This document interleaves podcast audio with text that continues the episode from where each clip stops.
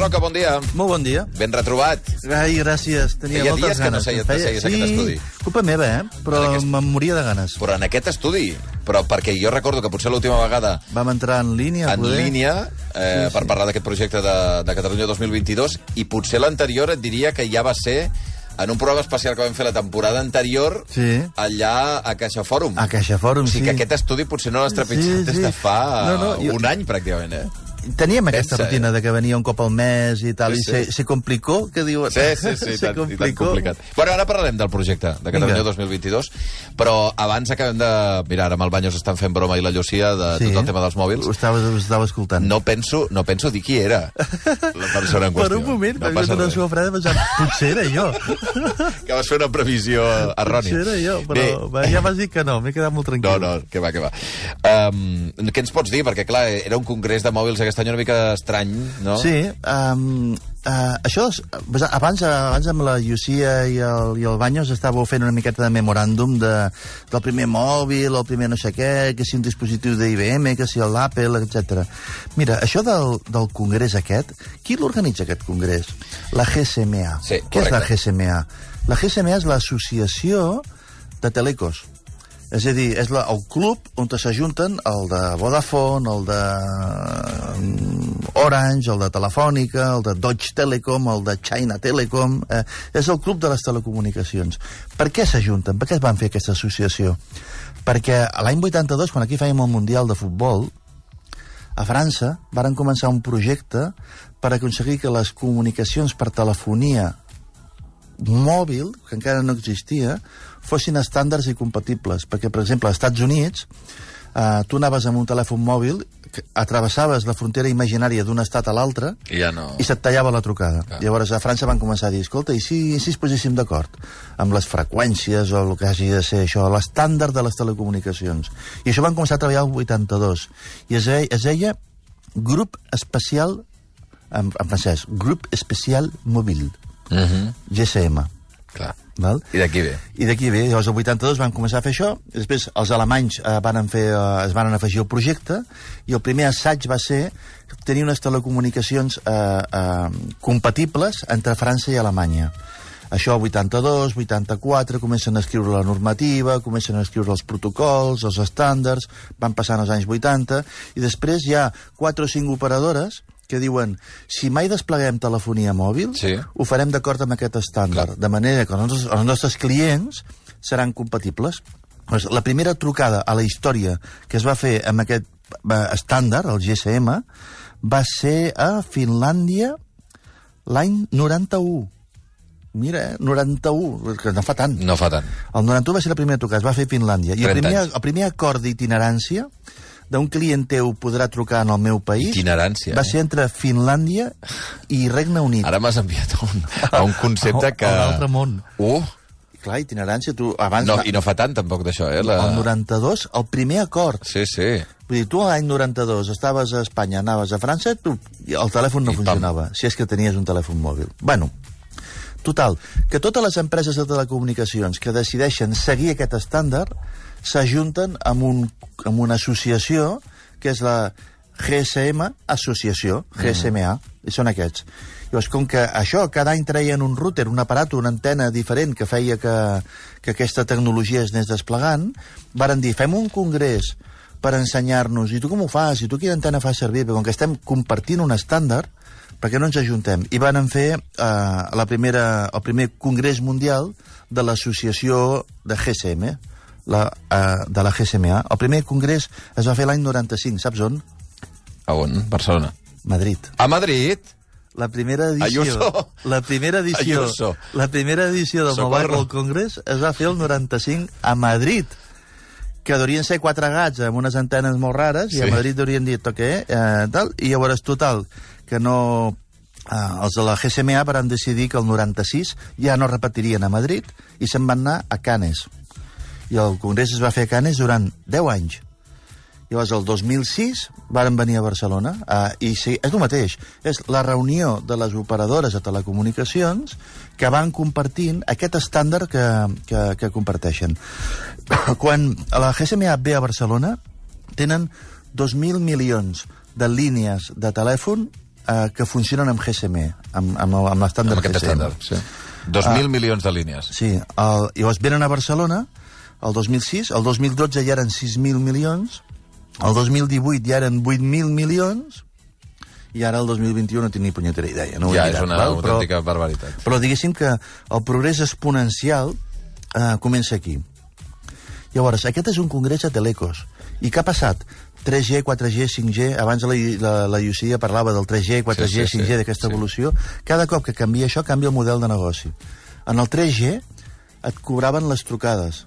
Dos trucades eh, interprovincials, 14 passos, et, trucaven, et, et cobraven les trucades. Eh, 3G, estic a l'any 2000. Arriba el 4G, estic a l'any 2010. I en el 4G ja no et cobren les trucades i et cobren els megas. Exacte. 100 megas, 50 megas, 200 megas i establiment de trucada, no sé... Internet. Et, et cobren els megas. I ara per què arriba el 5G? Arriba el 5G perquè tota aquesta gent de les associacions de telecomunicacions comencen a veure amb preocupació que el que té valor no són els 20 megas, sinó els serveis que s'exploten amb aquests 20 megas. I resulta que el que s'estan portant la pasta és Spotify, Netflix... Exactament. Llavors, Netflix guanya la pasta navegant sobre els 20 megas de Telefònica. I els de Telefònica diu, a veure, jo estic cobrant una merda per aquests 20 megas i en canvi tu t'estàs forrant perquè tu sobre aquests 20 megas estàs posant-hi pel·lícules, serveis, etc. Llavors, 5G és l'intent de la indústria de les telecomunicacions de cobrar per serveis. Llavors, ells ja no volen A cobrar través per... de com? Perquè agafen i diuen, escolta, si jo et desplego 5G, Sí. podràs conduir cotxes remotament. I diu, ah, doncs m'interessa, jo vull un percentatge d'això. Ah. Podràs fer operacions eh, per hospital, sí, jo vull un percentatge d'això. Podràs veure els gols en directe amb hologrames 3G, 3D, eh, eh, amb les espardanyes a casa teva customitzades amb el que jo que sé, complica-ho. Sí, però jo vull un percentatge d'això. Llavors, és l'intent de la indústria de les telecos de participar d'aquest negoci. Llavors et diuen latència, això que ara la, la Iusi ho deia, eh? de dos milisegons, un milisegon. El que volen és participar d'aquest negoci, perquè moure megas no és negoci ja. Clar, clar, ja no els hi dona prou diners. Quin problema tenim amb el Mobile World Congress? Que els que organitzen aquest congrés són les empreses de telecomunicacions que, perdonen que sigui una miqueta radical, que són les que s'han quedat fora del negoci. Mm -hmm. Si tu vols fer un congrés del futur dels serveis digitals, qui convoca no ha de ser Orange, qui convoca ha de ser Netflix, o ha de ser Apple, o ha de ser Amazon. I aquest no és el congrés d'Amazon, no és el congrés de Netflix. És el congrés de les operadores de telecomunicacions que cobren 10 euros per moure 20 megas i que s'estan quedant fora del negoci. En el congrés aquest any... Perquè que aquest congrés ni tan sols el convoca per entendre'ns Nokia, Apple. No, les No són els operadores... de tele- dels Ni aparells. siquiera els fabricants de telèfons. Clar. El convoquen els, els, les infraestructures de telecomunicacions, que els hi sap molt de greu, però s'han quedat descol·locades del, del, del negoci Però, contemporani. de fet, perquè no sé si ja des d'un punt de vista eh, d'una certa sensualitat, eh, però quan comencen a haver-hi baixes, les que fan mal són les que no tenen a veure amb el sector purament no? de, de, de, de telecomunicacions. Són quan et diuen no vindrà eh, Un fabricant de Facebook, mòbils. no vindrà Sony, Clar, i no perquè, han de venir, perquè han de venir en el congrés dels, dels telecos. Si ells no són una teleco. Ja. Uh, sap? Llavors, a mi em sembla que aquesta indústria, on està moguent calés realment, els protagonistes d'aquests negocis nous són uns altres diferents als que convoquen aquest congrés. Mm -hmm. D'acord que aquest negoci funciona si es despleguen xarxes de telecomunicacions, i per això hem estat tants anys al voltant de, de, de- d'aquest congrés de telecomunicacions. Però jo diria, jo diria que què hem vist aquest any? Que el domini d'aquest negoci ja no està a, les empreses de telecomunicacions, sinó que, que bueno, encara tenen feina, eh? Ara han de desplegar la xarxa 5G. Eh, llavors, quan hi haurà antenes 5G a la teva ciutat, al teu barri, al teu carrer, al teu hospital? Doncs d'acord, despleguem-ho. Però tothom sap que el negoci no serà aquest, d'explotar les antenes de telèfon. El negoci serà Uh, Què fas córrer per aquelles? Uh, habilitar un quiròfan uh, uh, que pot intervenir remotament o gestionar una flota de cotxes remotament. Aquest serà el negoci. Però difícilment aquest negoci serà explotat per Telefònica o serà explotat per, per, per, per Vodafone. Pregunto, i vol dir que això, que aquest congrés que tenim al Mobile, o el reformem o ens quedarem una mica enrere? Clar, uh, això és una conversa de cafè meva. Això, aguanta'm el cubata, saps? Aguanta'm el cubata. Però, però jo diria que necessitaríem que els organitzadors d'aquest festival no fossin ja només uh, la, la indústria de telecomunicacions.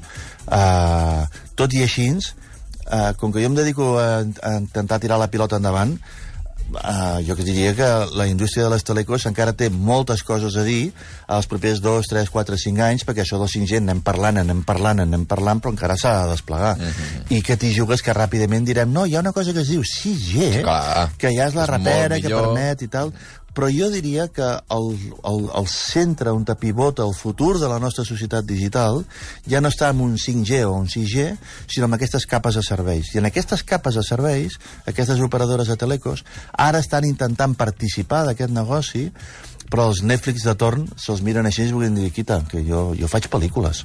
L'altre diu, pues jo te doy 20 megas. Uh, uh, diu, pues si no me'ls dones tu, me'l donarà un altre. Uh, llavors, diguéssim que la teleco comença a ser una, una utility, i quan ets una utility, vas a preu. Llavors, uh, mira les ofertes de les, de les teleoperadores ara. Abans deien trucades il·limitades. Mhm. Ara ja diuen gigas il·limitats. Sí, i tant. I llavors, on està la diferència? Si tu em dones gigas il·limitats Ja i trucades ja il·limitades, només pots queda un tema de preu. Clar.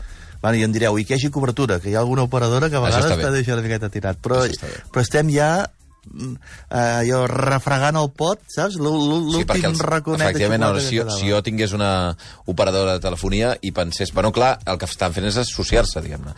Perquè ara una, una operadora et diu, a part de la meva oferta de megas eh, infinit, bueno, megas, gigas infinites i de trucades il·limitades i tots els serveis i tal, t'hi afegeixo mm, Movistar Plus. Eh, t'hi afegeixo... Capes de servei. Exacte. Capes de servei. Netflix, t'hi afegeixo i, i pensa una accés cosa, HBO. Pensa una altra cosa. Aquí passarà igual que amb els bancs. N'hi ha masses. Uh, tu te'n vas a Xina i hi ha dos o tres operadores de telefonia. Tu te'n vas als Estats Units i hi ha dos o tres operadores de telefonia. Tu te'n vas a qualsevol país d'europeu i n'hi ha 100 o 200 a cada país. A Espanya n'hi ha més d'un centenar. Tu, Tantes? a part de Vodafone, Orange i tal, mare sí. meva, n'hi ha de locals, n'hi ha de provincials, ha no sé què, nosaltres aquí tenim Parlem, no sé què. De low cost, Llavors, no sé què. És, és, no, no es pot ser competitiu. Quan a Xina hi ha dos operadores de telecomunicacions i a Espanya n'hi ha 250, llavors, el que evidentment passarà és que ara hi haurà tot un procés de fusions i adquisicions vertiginós, mm. com ha passat amb la banca, Clar. que aquí teníem caixes d'estalvis de tota la vida, etc etc i ara I ja en no queden queda res. quatre i diuen que són masses. Mm. 11 i 31, anem per més temes. Catalunya 2022. Ja heu entregat els papers? Hem entregat els papers. I què? Ah. és el part de la burra, això, o no? Ostres, la sensació de... ho... Uh, vàrem rebre l'encàrrec del govern de la Generalitat Um, si quan això estava, quan la pandèmia estava ja començant a donar símptomes d'extrema gravetat, amb una, amb una, va haver-hi una converses en les que es deia estarem molt ocupats gestionant l'emergència, l'emergència serà severa, vull dir, estarem aquí dient tanquem els bars, tanquem... Això serà, serà i, i, i gent greu a les UCIs, etc. I va dir, ostres, est, uh, tu, el que és el govern estarà molt ocupat gestionant una emergència, per què no fem un grup que s'aïlli d'això i es projecti més endavant eh, ah, i que comenci a pensar com podria ser que sortíssim d'aquesta pandèmia i quin és el pla d'acció un cop fora d'aquesta pandèmia. Jo recordo molt la conversa que vam tenir el primer cop que es va fer públic això, i el Genís deia, i jo crec que en aquell moment jo m'esparvero, i una part dels oients també, la idea de... s'anomenava Catalunya 2022, I tots, per què 2022? i era l'any 2020, sí. potser... Quan devia passar Pa- això? març, març, abril, Març, abril, 2000. no? Sí. Que vam començar... No, que els efectes de la pandèmia eren molt grans, però eren molt al principi de la pandèmia, i tothom deia, ostres... Eh, I tu venies a dir, i en aquell moment ho recordes, que podríem anar a buscar el document, que, Fins que el 2021 era un any Perdut. perdut, que el 2020 ja estava perdut, evidentment, perquè ja ho sabíem, que això no s'aixecaria, i que el 21...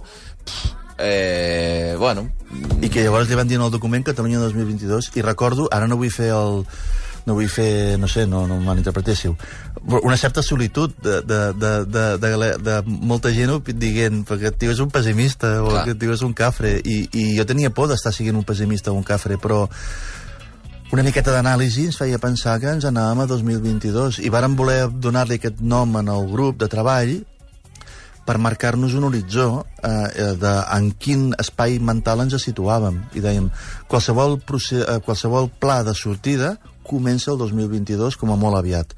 Que ara sembla, ah, mira, molt raonable i molt ben, molt ben, molt ben trobat. Ara això. que ha passat un any i però, pico, però sí. en aquell moment sí que era una sensació de sou els pessimistes de la colla, amb gent com vosaltres eh, no ens en sortirem mai, sempre veieu el got mig, mig buit i aquestes coses.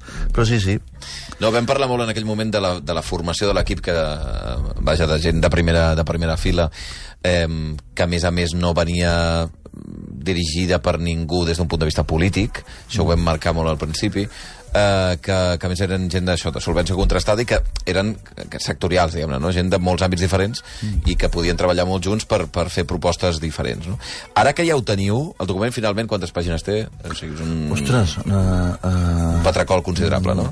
Bueno, tampoc, no? Unes 70, 70, mm -hmm. 75, o, o, o 68, no sé. No. Algú que no l'hagi llegit i que no sap per on van els tiros, com ho definiries?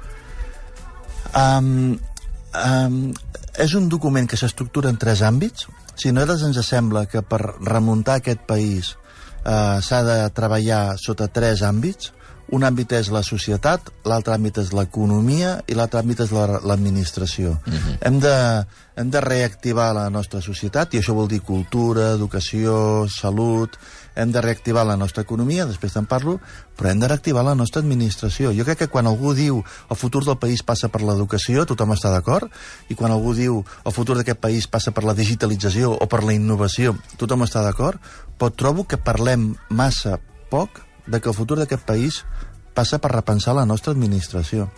Uh, i, i, i parlàvem amb gent de cultura i els hi dèiem, escolta, el document aniria per aquí, tu com ho veus, que falta, que sobra, i ens deien, no, la cultura molt bé. Això d'administració, sobretot això d'administració. Sí, eh? Parlàvem, anàvem a parlar, parlar amb gent d'empresa, què? La innovació, el recuperar talent, la digitalització, sí, sí, però sobretot això de l'administració. I, I no és des de la crítica, no és des de, oh, no sé què. No, no, no.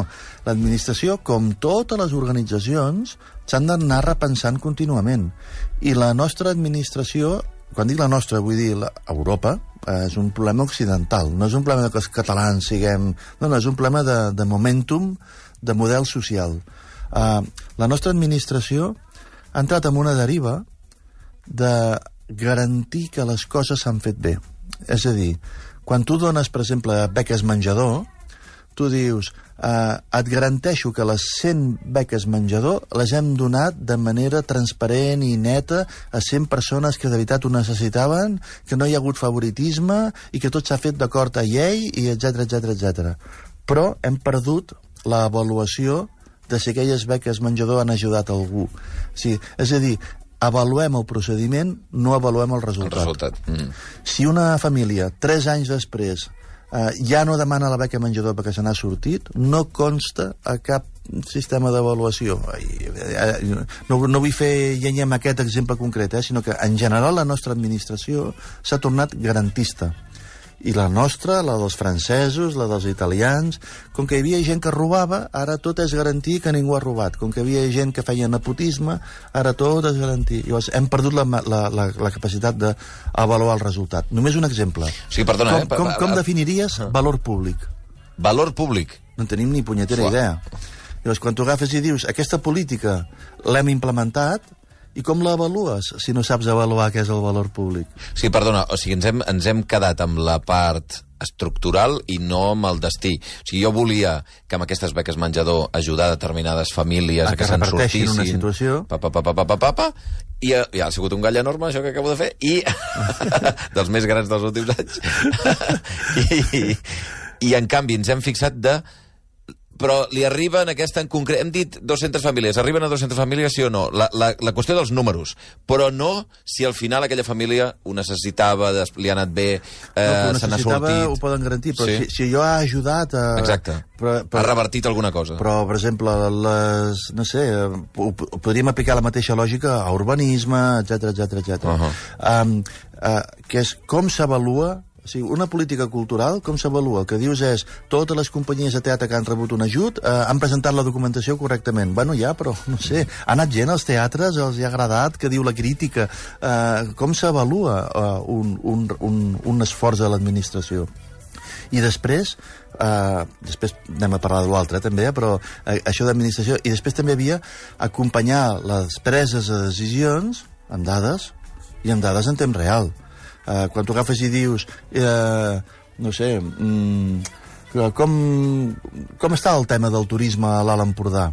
Uh, jo, si fos mm, empresari o membre de l'administració amb responsabilitats en temes de turisme a l'Alt Empordà, jo voldria saber les dades de, de flux de visitants d'ahir, no de l'any passat. Llavors, aquest exemple poder encara... Hi ha, hi ha gent que té alguna d'informació, però en general els nostres sistemes de presa de decisió estan lluny de basar-se en dades en temps real i aquestes dades no són obertes, etc etc etc. Per tant, hi ha tot un eix de... Però t'ho porto un altre tema. Vàrem començar fent anàlisi de com sortiria aquest país a la pandèmia i de quin seria el pla d'acció que haurien de tirar endavant i quin és el, què, què és el que ens hem trobat. Que, haguessin fet el mateix pla si no hi hagués hagut pandèmia. Clar. Els problemes, els problemes són, són els els, els problemes són estructurals. Així, d'acord que amb la pandèmia hi ha gent que ha patit molt, bla, bla, bla.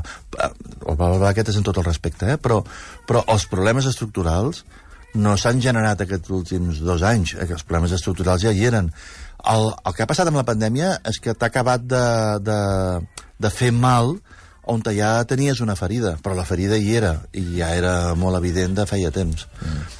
Per, per no parlar només d'administració, per exemple, en l'àmbit, en el capítol 1 de societat, un parell de coses que dèiem que ens semblen força òbvies és eh, educació i cultura haurien d'anar increïblement coordinades perquè són dos cares de la mateixa moneda. Educació i cultura és el mateix.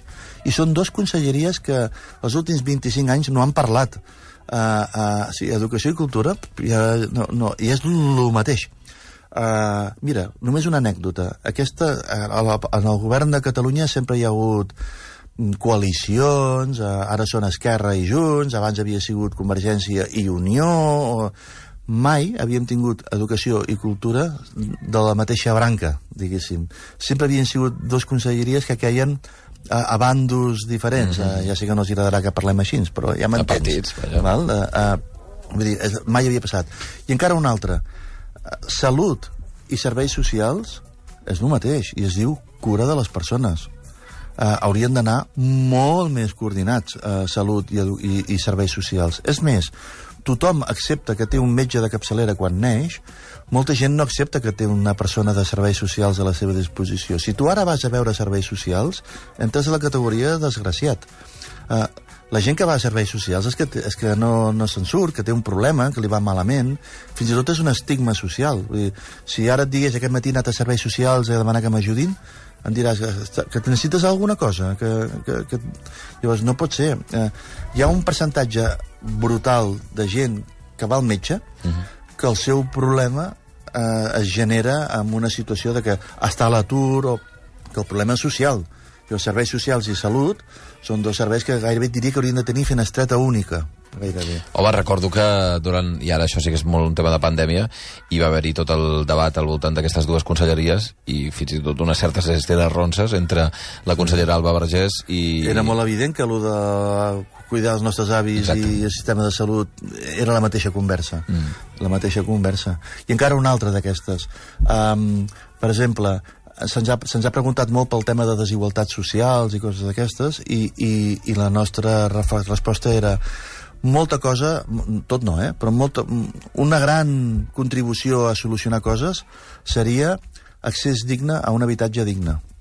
I el que proposem és que un 10% de l'habitatge de, de Catalunya sigui públic, el que es faci, un 10% en 10 anys. Uh, si la gent tingués un accés digne a un habitatge digne, ara estem en percentatges de 2-3% d'habitatge públic. Uh -huh. A Viena estan en el 60% i a tot arreu estan en 30 i 40. Nosaltres estem en un 2 que la gent tingui problemes per accedir a un habitatge és motor de problemes, uh, des d'una persona maltractada fins a, fins a un tema de pobresa. Mm. És un document que en aquests tres àmbits concreta 91 accions que la gent diu 91 i per què no en fèieu 100 ja? Perquè no és això, saps? És dir, No- ens anàveu a fer números Ens n'han sortit 91. Mm -hmm. Llavors hi ha 91 accions concretes. No és una carta als Reis, no és una comanda que li fem a les conselleries.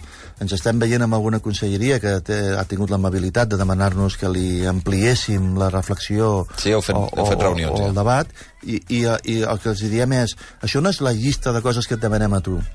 Aquest és el, aquests són els temes que li proposem en el país que hauria d'estar debatent. Uh -huh. uh, I, per exemple, no sé, si hi ha 10 accions de la Conselleria d'Ensenyament, uh, el que li, amb tota l'educació, eh, el que li dèiem al Conseller d'Ensenyament era no, no t'ho diem a tu, que això és el que s'ha de fer, li diem al país que necessitem fer coses amb educació. Igual t'ajuda a l'hora de, de... De prendre decisions, de, o, o, o, de, o, de, o de tenir que argumentar-les en veu alta al Clar. públic. Eh, jo ara estava pensant, de totes maneres, que hi ha una cosa que és, que és evident i que la sap tothom, que eh, aquesta Catalunya 2022 la liderau dues persones, mm. eh, Genís Roca i Victòria Alzina. Sí. El cas és que Victòria Alzina forma part d'aquest govern des de Sí. fa unes setmanes. No? I, clar, a, a la Victòria li dic, bueno... I ara què, eh, Que no? t'ho explico o ja ho saps?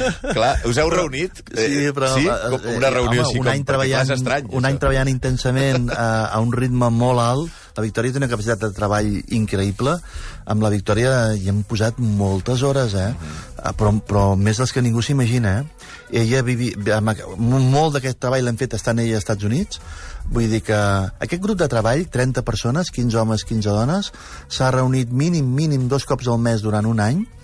Mai s'havia reunit presencialment perquè les condicions no ho permetien i perquè hi havia gent que no vivia en territori català. Uh, hem treballat molt. Però mira, i, i, uh, a mi em sembla que la ciutadania té tot el dret a queixar-se i a, i a expressar-se com vulgui, però crec que ens hem de començar a organitzar, perquè si no això va al camí del pedregar. Llavors, la queixa sistemàtica no em sembla que sigui suficient. Hi ha gent que em diu, aquest esforç que heu fet, sou babaus, uh, no ho veus que no us faran No cas? faran no cas. ho veus que això anirà un claix? I què he de fer? Uh, I què he de fer? Quedar-me a casa fent de iaio que diu ai, on anem a parar amb aquest jovent, uh, no sé, alguna cosa haurem de fer. I a mi em sembla que ens hem d'organitzar amb quatre equips. La societat civil s'ha d'organitzar en quatre equips. Uh, què és societat civil? La gent que no està en partits. Val? Llavors, crec que ens hem d'organitzar en quatre equips. Un, els que vigilen. Escolta, uh, que resulta que aquell polític no té un màster a la universitat de no sé què. Això s'ha fet bé? Uh, això, no, això és mentida. O vau dir que faríeu tal cosa i no l'heu feta. Els que vigilen. Després els que molesten. Perquè hi ha gent que vigila, veu una cosa, però té un tarannà que no li fa d'anar ja a, a, a cridar i tal. Llavors, eh, un que vigila i l'altre que molesta. Després hi ha els que proposen. Trobo que el que haurien de fer és tal cosa. I després hi ha els que actuen, que diuen, va, jo m'arremango i m'hi poso. Jo crec que aquest grup de 30 és un grup que ha nascut amb l'ànim de proposar, ni de molestar ni de vigilar, en el de proposar. I em sembla meravellós que algun dels membres d'aquest grup de proposar hagi decidit actuar. A passar al cantó de l'actual. Actuar. Vull dir que... Veurem, veurem què és el que en surt i no sé, eh, i si veurem que el 2022, com a mínim, la, la projecció que havíem fet tant el Genís com la Victòria Alzina, efectivament es complirà perquè fins al 2022 això no es pot començar, vaja, es pot començar ja a repensar, però actuar, actuar es pot fer ja, eh, però ja és en perspectiva any que ve. Són, són 91 accions que ens sembla... Eh, tu, tu ara t'ho llegiràs i diràs això és irreal, això no m'agrada, trobo a faltar no sé què, benvingut. Només volem ser motor de debat, de debat públic. Ens sembla que les 91 accions són raonables d'engegar en aquesta legislatura. Mhm. No ens sembla que siguin coses de, bueno, doncs Còsmiques. podeu un dia d'aquí 10 anys, Sí, sí. i ens sembla que han de ser possibles d'arrencar amb les condicions actuals. Vull dir que no s'hi val eh, sospirar per un altre pressupost Clar. o sospirar per una altra situació legal. Vull dir, aquest és un pla que li és igual si som independents, que si som una autonomia, que si som no sé què, i li és igual si hi ha expoli fiscal o no hi ha expoli fiscal. Prou, hem de fer alguna cosa, en paral·lel a totes aquestes causes i totes aquestes lluites. Acabo de, de rebre un missatge, Genís, que jo sé que no t'agradarà, però a mi m'ha fet molta gràcia. Genís for president. He rebut el mòbil. Genís, Genís Roca, moltíssimes gràcies. A vosaltres. Les 11 i 47 minuts, doncs, com sempre, les Masterclass, doncs avui sobre el Mobile World Congress i també sobre aquest eh, Catalunya 2022, aquest projecte que van engegar entre moltíssimes altres persones, el Genís Roca i la, i la Victòria Alzina. Ara, efectivament, Victòria Alzina com a consellerer, doncs, potser pot aplicar algunes de les receptes que ella mateixa va, va, va idear. Uh, moltíssimes gràcies al Genís. De seguida, uh, continuem.